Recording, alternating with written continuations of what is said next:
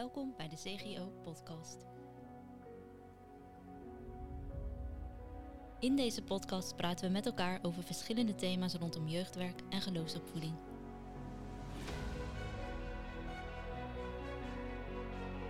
Met elke keer een nieuwe gast, leuke anekdotes en leerzame ideeën. Zo hopen we jou te bemoedigen en te inspireren. Leuk dat je luistert. Ja, zeker leuk dat je luistert naar deze extra CGO-podcast.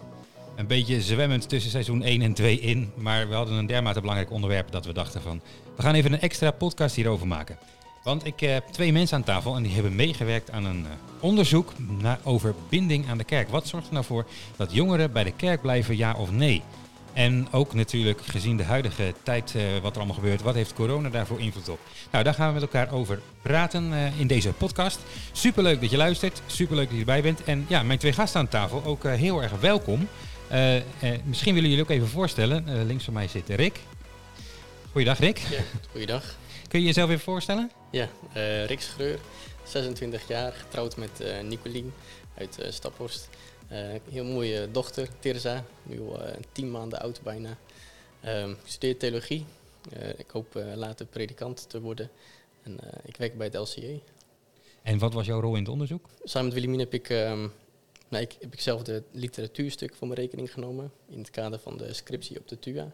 Dat kon mooi, eh, mooi samengaan.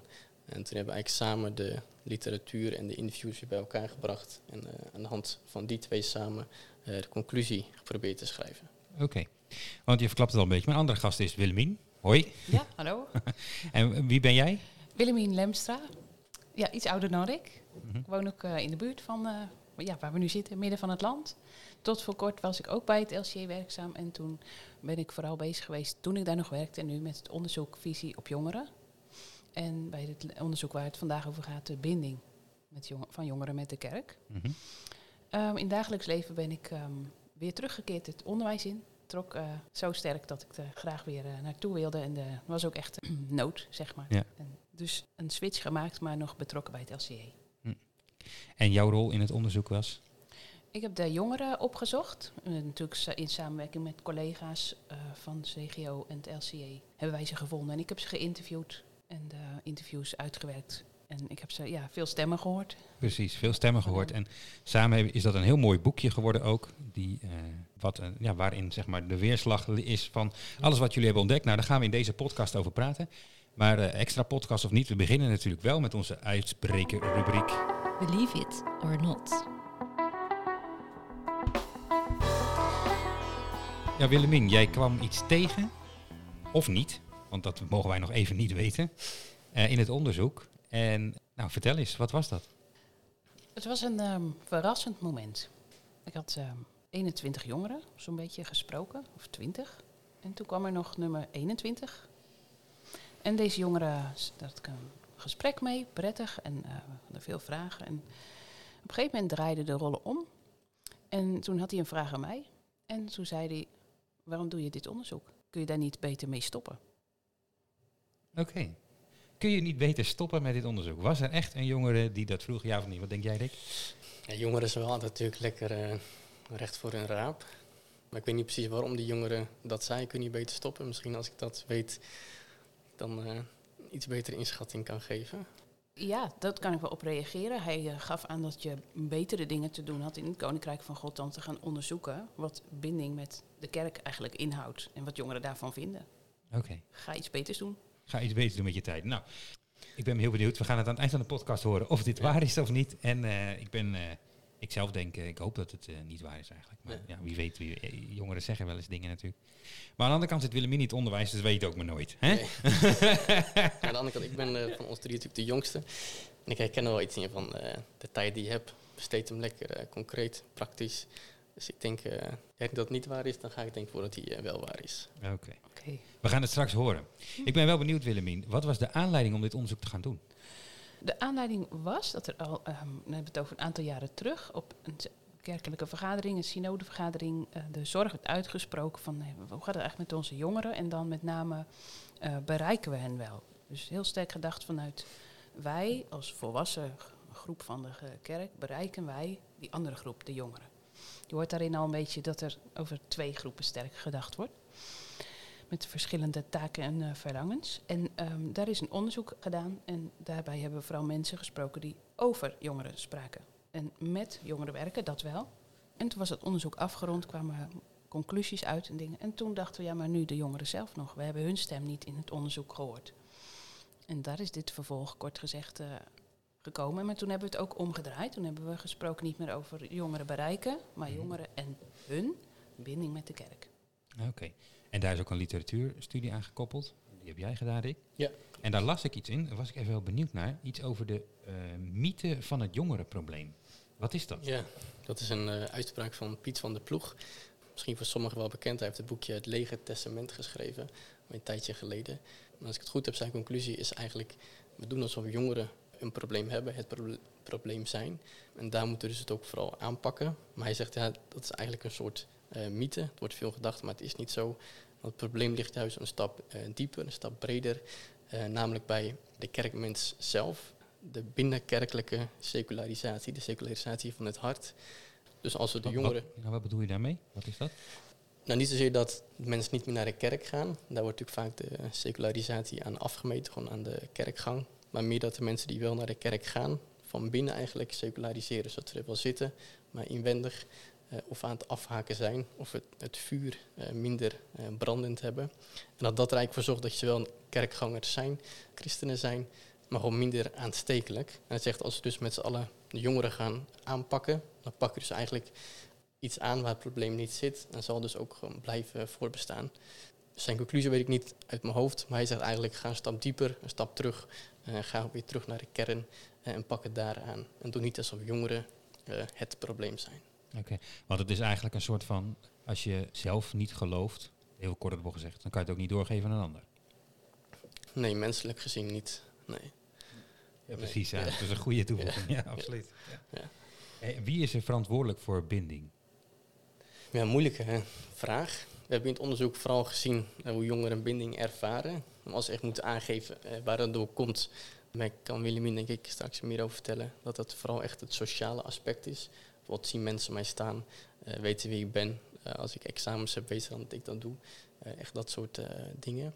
Maar hoe het echt ontstaat, als ik even naar mezelf terugkijk, welke binding ervaar ik met mijn gemeente en hoe is die ontstaan?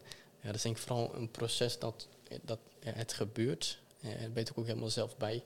Dus bezoek je dingen, ben je zelf ook betrokken op de kerk, dan zal dat groeien. Maar wie er verantwoordelijk voor is, dat is eigenlijk ook wat ik net eh, al aangaf met dat mythe van het jongerenprobleem. Eh, we zijn eigenlijk dus allemaal verantwoordelijk. Dus als ik alleen betrokken ben op de mensen in, in mijn rij, in mijn bank en verder de rest van de kerk vergeet, en dan draag ik er dus zelf ook niks aan bij dat de mensen voor en achter mij binding gaan ervaren met mij. En dus met een stukje van de kerk. Heb jij een aanvulling op, Willemien?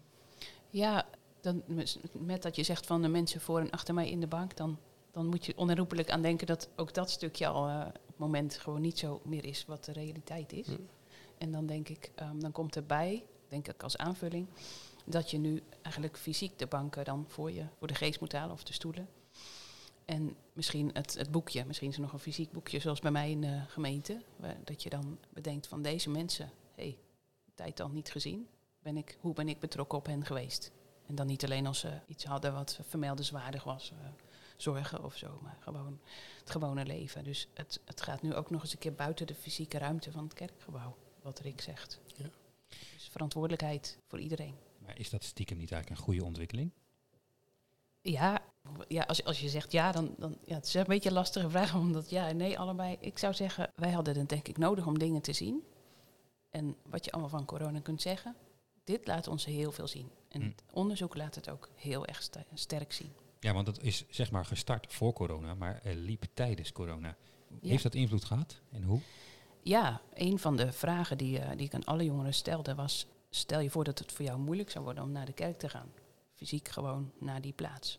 Wat zou je dan doen? De vragen van de jongeren die die vragen hebben beantwoord... voordat er überhaupt sprake was van ergens een virus in eh, de wereld... die hebben die vraag meer ja, zoekend beantwoord. Van die dachten aan situaties als vervolging of ook wel een eigen beperking. Maar het was heel erg ver van hun bed. En voor mij eigenlijk ook. Maar die vraag had ik erin gezet, omdat dat aangeeft wat je, het geeft iets aan van de binding met jongeren met de kerk. Maar toen kwam corona en sloot alles. Toen werd die vraag opeens eh, heel erg eenvoudig om te beantwoorden. Ja, een heel andere lading ook, denk Ik ik. kreeg een heel andere lading, ja.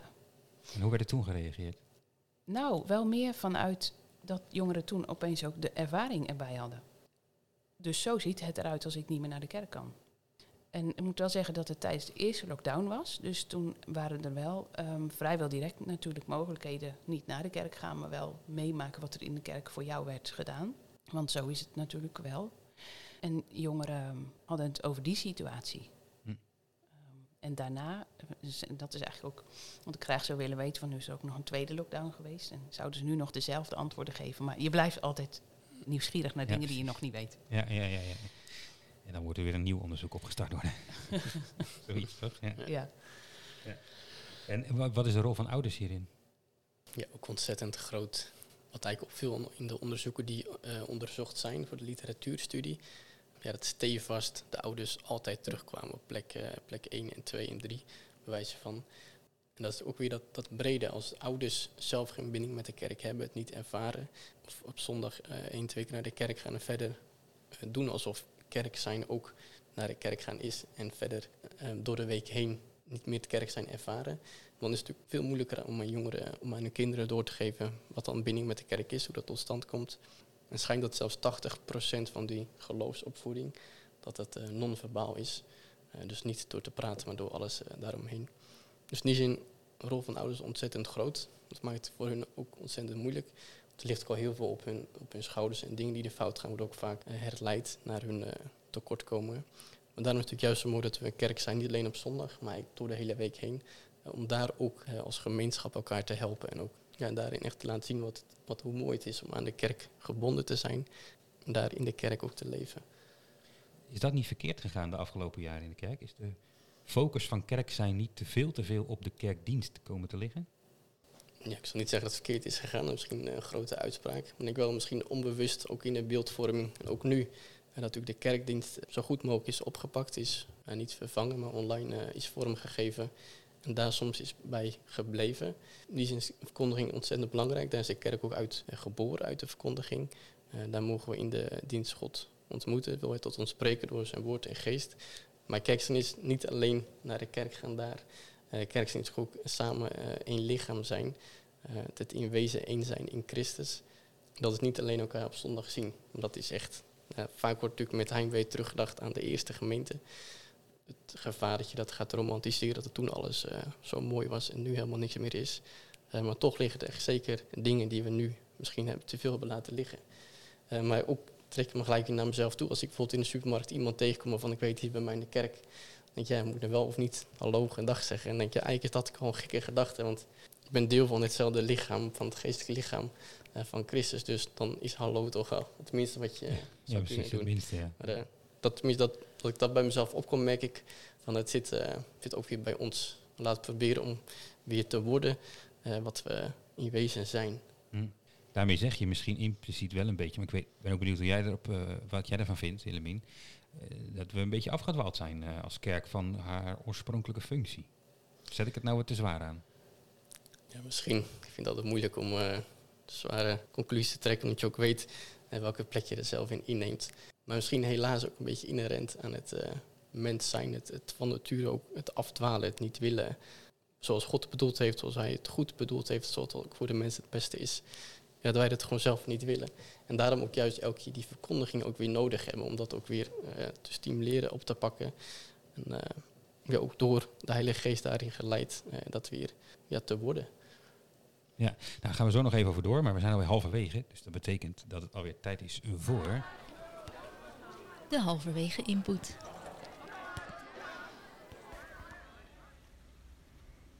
Ik kreeg de vraag waarom je naar de kerk zou gaan. En dat is een zeer goede vraag, want hier kon ik niet gelijk een duidelijk antwoord op geven. Want inderdaad, waarom gaan we naar de kerk? En waarom ga ik naar de kerk? Zelf begrijp ik heel goed dat kerkgang nodig is, ook om je geloof en het contact met God en gemeenteleden te versterken. Want geloven doe je individueel, maar ook samen met elkaar. En door middel van kerkgang heb je mensen om je heen en je zit er voor jezelf. Maar Je bent er natuurlijk ook op die manier voor anderen en dat wil je ook laten zien. Zelf heb ik per direct niet per se de kerk nodig om te geloven. Mogelijk ligt het nog aan mijn leeftijd en heb ik natuurlijk genoeg andere dingen aan mijn hoofd. Want ook het afgelopen jaar ben ik blijven geloven zonder een kerkdienst fysiek bij te wonen. Op dit moment heb ik dan ook minder met de gemeente en kerk. Dit kan ook komen doordat ik op dit moment zelf weinig organiseer binnen de kerk. En mogelijk dus nog geen behoefte aan heb. Maar ik weet wel en ik wil nu en later leven met geloof en met een kerk. En dat ook uit eerbied voor God en leren over God, met Hem en met mensen die hetzelfde geloof delen als dat jij en ik doen.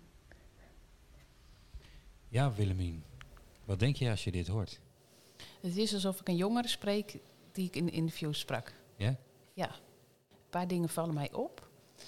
Ze zegt eigenlijk met zoveel woorden nu even niet. Mhm. Dat is de ene kant. En ehm, ze zegt wel duidelijk dat ze de kerk ziet zoals, die, zoals de kerk ook is, denk ik, en ook functioneert. Maar je kunt hem even parkeren, want de andere dingen hebben ook hun plek. En er zitten natuurlijk maar 24 uur in een dag. Dus nogmaals, het, het klinkt zoals de meeste, ja, veel jongeren die ik sprak. En daar blijkt ook iets uit bij waar we het net voor de, dit momentje over hadden. Dat we dus de kerkdienst heel groot gemaakt hebben. Daar ga je heen of ga je niet heen. Maar een gemeenschap vormen, daar ga je niet heen en ga je weer uit weg. En daar zit volgens mij ergens de sleutel. Met in, ook in deze, dit exemplarische stukje inderdaad van deze jongeren. Ja. Je kunt het een op pauze zetten, maar het vormen van een gemeenschap volgens mij niet. Ja. En is dat genoeg bij jongeren doorgedrongen? Hebben wij ons daar goed genoeg ons best voor gedaan als mensen in de kerk, als mensen die met jongeren werken en spreken? Want dat is natuurlijk, we hebben, we hebben natuurlijk voor, de halverwege input in de eerste helft van deze podcast ja, een aantal dingen genoemd. Een aantal dingen die niet goed gaan. Een aantal dingen die uit het onderzoek kwamen, waar we tegenaan liepen. De vraag die natuurlijk nu overblijft is, ja, wat doen we er dan aan? Wat gaan we dan doen nu? Hè, het jeugdwerk eh, gaat hopelijk allemaal weer opstarten. Wat is, wat is onze taak nu? Hoe zien jullie dat? Ja, ik denk, even afgezien van waar je dan zelf nu, als je nu als luisteraar zit te denken van wij hebben dit gedaan, wij hebben dat gedaan, dat daar zullen verschillen in zitten. Ik denk dat het zo is dat we eh, even zwart-wit gezegd, laten we ons de kerkdienst even gewoon maar, daar hebben we genoeg in geïnvesteerd. Misschien een rare uitspraak, maar laten we nu kijken van, maar dat stukje van gemeenschap met elkaar ervaren, hebben we daar steken laten vallen. Dan dat beleiden en daar biddend keihard aan gaan werken. Dus ook, je zegt ook, zeg ook maar tegen jongeren van, we hebben jullie een beetje laten zitten. Als dat zo is natuurlijk. Absoluut. Ik denk dat het echt goed is om dat te zeggen. En ook ehm, gerust erbij zeggen waarom je die moeite had. Want misschien, daar zijn misschien ook redenen voor en gedachten. En was, waren we ook wel helemaal overvallen. Maar zij waren het ook. Ja. En zij zaten toch wel te wachten. Ja. En er kwam misschien wel te weinig. Zijn jullie veel kerken tegengekomen die het jeugdwerk op een lager pitje hebben gezet in de afgelopen periode? Ja, we hebben pas een eh, belronde gehad met eh LCJ en HJW ook. Hebben we gemeentes ook gebeld om te vragen hoe, ze, eh, ja, hoe, hoe het gaat, of we mogelijk kunnen helpen. We hoorden ook echt verschillende verhalen. Vaak ook was eerst even een afwachtende houding van hoe gaat het coronavirus zich ontwikkelen en wat gaan we daarmee doen. Maar in de meeste eigenlijk wel in ieder geval het verlangen om dingen weer te doen. En de ene gemeente eh, heeft er gewoon meer in geïnvesteerd of kon het ook meer dan andere gemeenten doen. Maar ook wel verhalen van gemeenten waar het echt gewoon eh, echt een tijd stil heeft gelegen. Ja. Dat is natuurlijk een vraag die al vaak is gesteld. Hoe gaat het er na corona uitzien? Ja, ik weet het niet, maar eh, we hopen natuurlijk het allerbeste van. Maar ik hoop niet dat het zich terugbetaalt als je eh, gemeenten die weinig geïnvesteerd had, dat die jongeren ook echt kwijtraken.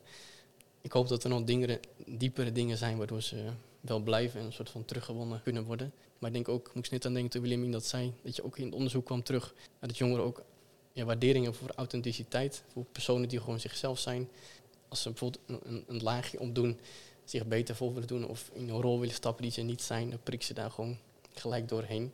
Ehm, dus liever jezelf en zeg wat je denkt. En misschien ook zeggen, nou we hebben inderdaad fouten gemaakt, eh, sorry daarvoor. Maar laten we samen oppakken. Dat je zegt, ja door de coronacrisis was het allemaal wat moeilijker, maar eh, gewoon, daar geloof ik zelf ook in. Gewoon eerlijk, puur, Ja. eh, transparant, kwetsbaar. En ook een keer, en anders misschien heel anders dan je altijd deed. Misschien ben je al heel lang eh, in, het, in het jeugdwerk bezig en doe je de dingen op een manier die altijd goed ging. Ik denk, kom weer terug aan de rol van ouders. Als het zo evident is dat ouders zo belangrijk zijn en zij zijn er, corona of niet. Ik heb ook best wel eens reacties van juist ouders gehad op de dingen die we dan als gemeente toch proberen te doen voor jongeren. Mhm. En dan denk je, oh ja, jongeren willen niet. Ja, die zijn een beetje. In een bepaalde periode willen ze wat losser van hun ouders. Nou, laten we dat denkbeeld dan ook eventjes gewoon. Laat ons dat niet storen en laat ons dat niet weerhouden. Als ouders het zo waarderen, dat gaat ook uitstralen naar hun eh, jongeren, hun kinderen. Want pubers kijken nog steeds wel af hè, bij hun ouders. Ook Ja. al doen ze heel hard hun best om dat niet te laten blijken. Daarom. Dus ja, eigenlijk een pleidooi van, ja, doe het dan even op een andere route. Ja. Ja, En je zei ook nog iets eh, inderdaad in de voorbereiding van... we mogen als kerk het misschien wel eens wat explicieter maken... eh, waarom de kerk relevant is. Wat bedoel je daarmee? Ehm, ja, ook weer als, je na, als ik naar mezelf kijk hoe de binding met de kerk eh, tot stand is gekomen. Dat is een proces waarvan heel veel niet zo heel erg expliciet is geweest. Ik denk dat dat niet meer geldt voor jongeren van nu, voor het algemeen. In de maatschappij, op school, overal worden jongeren vaak even. Wordt jongeren verteld waarom we dingen doen. Waarom behandelen we dit onderzoek, eh, dit onderwerp bij geschiedenis? Waarom? En ik zelf merk dat ik dat zelfs in groep 5 al doe. Mhm.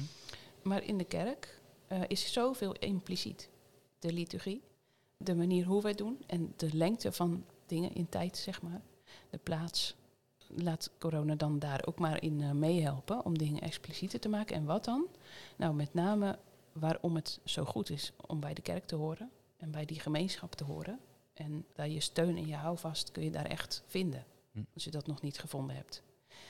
Ik denk dat dat explicieter eh, Ja. mag worden. Ja, en ook daarop aanhangend ook een stukje eh, gewoon uitleggen waarom we de dingen doen eh, zoals we ze doen. Want als je het beeld hebt dat de kerk is kerkdienst en de kerkdienst, daar zit je echt een soort van, en je moet even als afnemer, dus het is ja, ik moet anderhalf uur luisteren en dan is het weer gehad. Is ook heel anders dan dat je zegt, ik mag anderhalf uur, dat oude woord godsdienst eh, oefening, werd de kerkdienst vroeger genoemd, dus ik mag anderhalf uur lang eh, de, de, mijn godsdienst beoefenen. Dat is natuurlijk een verschil als je de liturgie ziet van, nou, dat gebeurt er, dat doen ze allemaal en ik zit hier. Maar het is juist zo, nee, met de hele kerk komen we samen. De, de Heer roept ons naar de kerk te komen. Dan mogen we samen bidden, samen zingen, samen lezen, eh, samen luisteren naar de verkondiging uit het woord. Dat is de liturgie voor eh, is bedoeld. Maar als je dat niet weet, en als, misschien als gemeente zelf ook niet meer weet hoe de liturgie en waarom we dat doen. En het is ergens ook wel begrijpelijk dat eh, jongeren ja, het is saai en ik kan niks doen. Het- ja. Maar dan, dan is het mis- misschien ook wel zo, dat lijkt me dan ook wel belangrijk, van, hè, op het moment dat je dan gaat uitleggen waarom je doet wat je doet, kan het natuurlijk ook best zijn dat jongeren met vragen erover komen. Of Ja. eh, misschien nog wel een stapje verder, met nieuwe ideeën. Moet je daar dan wel voor openstaan als kerk? Of zeg je nee, we gaan het uitleggen en dan is het goed? Ik denk zeker voor de openstaan. Tenminste, als zij drie vragen stellen en bij drie hebben ze het gevoel van, nou, ze, luisteren nog wel, dan is het klaar. Dan komt er geen vierde vraag. Maar we staan natuurlijk juist staan in, met de kerk in een ontzettend rijke traditie. Eh, en onderzoek is ook zo'n eh, zo'n zinnetje van, traditie behoort een eh, staf te, zijn waarmee je loopt. Maar het is nu meer geworden tot een blok aan je been. Maar inderdaad denk ik dat ook een stukje kerk zijn is gewoon de jongeren in een kerk een veilige omgeving eh, laten zijn. En ze alle vragen kunnen laten stellen die ze hebben. Niks, eh, niks af, eh, afschimpen. Gewoon vragen laten stellen, daar gewoon eerlijk op antwoorden. En ook kijken eens aan, nou, waarom doen we dat zo en kan het niet anders? En wat raken we dan kwijt? En wat winnen we? En fout ook wel gezegd, ja, als we dat eenmaal gaan doen, en dan is het een hellend vlak, dan komt dit en dit en dit. Maar ik denk niet dat dat helemaal eerlijk is. Dus inderdaad, vragen laten stellen, samen beantwoorden, het serieus nemen. Misschien ook jongeren daarbij inschakelen, een taak geven in de kerk. Misschien niet eens in een kerkdienst, maar gewoon in een kerk. eh, in, wat, in de volle breedte van wat eh, onder kerk moeten mogen verstaan. Ik zag Ja. jou reageren. Ja, juist ook omdat uit dit eh, onderzoek en zeker gaandeweg de corona zich sterker aftekende, jongeren zijn de kerk gaan missen. Zij zitten er ook anders in. En soms vroeg ik ze ook letterlijk, eh, nou, dingen, hoe vind je het zoals dingen in de kerk geregeld zijn? En een uitspraak van een jongere was, maar de kerk is er toch niet om jongeren te dienen, maar om daar God te dienen. Dus Ah, ja. ehm, wij zijn soms al bijna voor de jongeren aan het denken, Ja. terwijl ze scherp zien, de kerk is voor bepaalde dingen en niet om mij alleen te plezieren. Precies. Ja. En inderdaad jongeren een plek geven. Kunnen we daarin nog concrete tips geven aan de mensen die nu luisteren naar deze podcast? Ja, ik denk misschien een stapje terug dat we ook moeten. Voor mij is het ook een uitspraak van een jongere dat soms. Die had het idee dat je het pas voor de kerk eh, relevant wordt als je wijs van eh, 30 bent getrouwd met en twee kinderen, dat je dan in het gemeenteleven kunt meedraaien. Mijn onderzoek komt juist voor dat iedereen die in de kerk zit, die hoort bij de kerk, is lid van de kerk. Dus die mag daarin ook een eigen plekje hebben. Misschien dan een goede eerste stap, stap om te kijken naar welke eh, dingen doen we allemaal als kerk. En wat is de leeftijd? Is het allemaal 30, 40 plus? En zo ja, is dat omdat jongeren dat niet kunnen of dat er gewoon niet aan denken? En er gewoon heel klein denken. Bijvoorbeeld een andere jongen die voelde juist binding met de kerk doordat hij nu mocht helpen met de videoverbinding. En dat soort mooie kleine dingen. eh, Of helpen bij plekken toewijzen of eh, dat soort dingen. Ik denk dat het echt essentieel is voor jongeren om te voelen van hé, hey, ik hoor hierbij. En ik mag iets betekenen. Ik mag hier ook in een veilige omgeving ontwikkelen. Met mensen die weten wat het is. Als het goed is, hopelijk om uit genade te leven. Dus die ook fouten toestaan. En zo samen gewoon als gemeente elkaar dienen. Ja, want dat is ook wel heel belangrijk, hè? Als je jongeren een taak geeft, ja, dan kan er ook wel eens een foutje worden gemaakt. Ja, zeg wel eens grappig, als je jongeren een taak geeft, dan moet je niet ervan uitgaan dat alles sneller gaat. Eh, maar dan kost het soms ook iets meer. Maar dat is denk ik ook goed dat je samen ook weer jongeren helpt om ook dingen weer te leren. Ja, om echt weer dat stukje gemeenschap te hebben. Hm. Jongeren moeten ook eh, veel leren, moeten allemaal ontzettend veel leren nog. Maar om het samen te doen en samen eh, niet bang te zijn om fouten te maken. Ja. Ik denk dat het ontzettend mooi is. En ze misschien ook inschakelen. Ik heb ook van kerken wel gehoord die inderdaad het eigenlijk meer omdraaien. Die niet zozeer zeggen van, nou ja, welke taken zijn er in de kerk en welke plekken zijn er nog open en daar zoeken we iemand bij. Wat Mm. soms heel lastig gaat. Ja. Maar we kijken van, wat kunnen jongeren? Wat zijn hun talenten? En dan gaan we kijken of we daar iets als kerk mee kunnen. Ja. Ja, dus je kunt natuurlijk ontzettend veel. Ja. Ja, Dus Ja. Als kijken wat, wat is allemaal eh je opzet, dat is gewoon dat is prachtig. En het is eigenlijk jammer als je ze niet eh, inschakelt. Want misschien loop je dan juist wel veel mis. En juist als jongeren dingen gaan oppakken, trekt het misschien ook weer andere jongeren aan. Of net eh, mensen net, net boven de, de jongere leeftijd, zeg maar. en dan de volwassenen als een soort coach. Iets Ja. meer aan de zijkant, maar helpen daar waar nodig. Ja, ja precies. Bijvoorbeeld. En, mee, en meegenieten ook als volwassenen. Heel Ja. belangrijk. Ja. Maar ook Ja. denk ik ook niet alleen als coach, maar ook juist weer een stapje hieronder van ook het leren. Van jongeren, jullie kunnen het nou eenmaal beter, jullie groeien nu in een hele andere tijd op. Dat willen we ook wel. Dus help ons maar.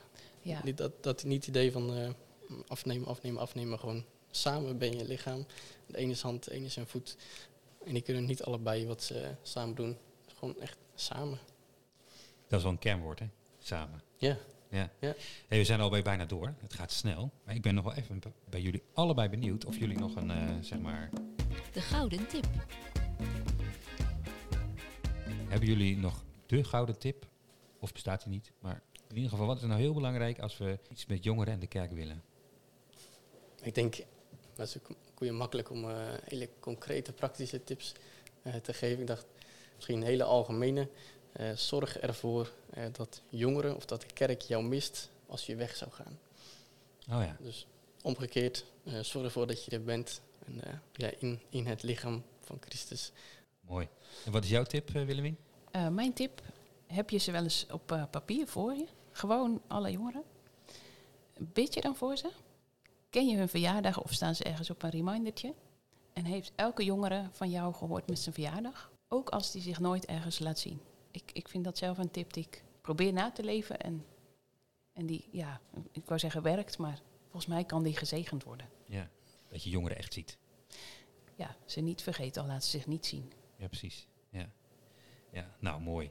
Hey, super. Eh, fijn dat jullie hier wilden zijn. Fijn dat jullie even in onze podcast wilden vertellen over dit onderzoek en ook over wat we eraan zouden kunnen doen. Er valt nog veel meer over te zeggen. Maar voordat we helemaal gaan afsluiten, wil ik natuurlijk nog wel even weten, Willemien. eh, Did you believe it or not?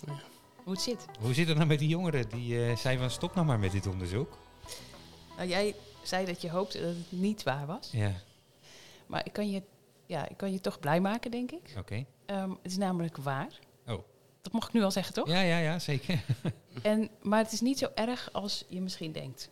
Want het alternatief was, zei hij van, als je nou in plaats van gaat onderzoeken hoe het zit, met elkaar in je plaats waar je woont, met de jongen die je kent. De Heer gaat zoeken en gaat vragen naar, wat wilt u Heer dat ik doe? Hoe zullen we leven? Hoe zullen we de buurt bereiken? Ja, hij zag het heel praktisch van, dit, je kunt je Hm. tijd maar één keer besteden. Dus ik geef er nu even niet mijn mening over, maar is misschien toch minder ernstig dan je, waar je bang voor was. Ja, oké. nou, hartstikke fijn. Dan. Ehm, nou, super bedankt. Fijn dat jullie, eh, nogmaals, fijn dat jullie hier bij ons wilden zijn en eh, deze podcast wilden meedoen. Eh, wilt u nou meer weten over dit onderzoek of het onderzoek zelf lezen? Dat kan. Dan surf dan even naar cgk.nl slash visie op jongeren. Dus cgk.nl slash visie op jongeren, maar ook op eh, de sites van de CGO en LCA zijn, eh, is het onderzoek wat te downloaden. Eh, en ehm, kunnen we elkaar daarin helpen. Ook LCA en CGO zijn, zijn bereid om, nou, bereid, hebben heel veel kennis in huis om kerken te helpen met hoe gaan we nu verder na corona. Dus van de CGO weet ik natuurlijk iets meer omdat ik daar werk. We hebben de Restart 21 training, dus je kunt, de, daar kunnen wij langskomen om jullie te helpen met hoe gaan we nu verder. Eh, er valt natuurlijk nog veel meer over dit onderwerp ook te zeggen, maar onze tijd zit er alweer op. Ik wou zeggen, Willemien, Rick, super bedankt dat jullie er waren. En u als luisteraar ook eh, fijn dat u er was. En eh, graag ja, tot seizoen 2, want daar gaan we in september mee van start. Dus tot dan. Hoi! Graag gedaan.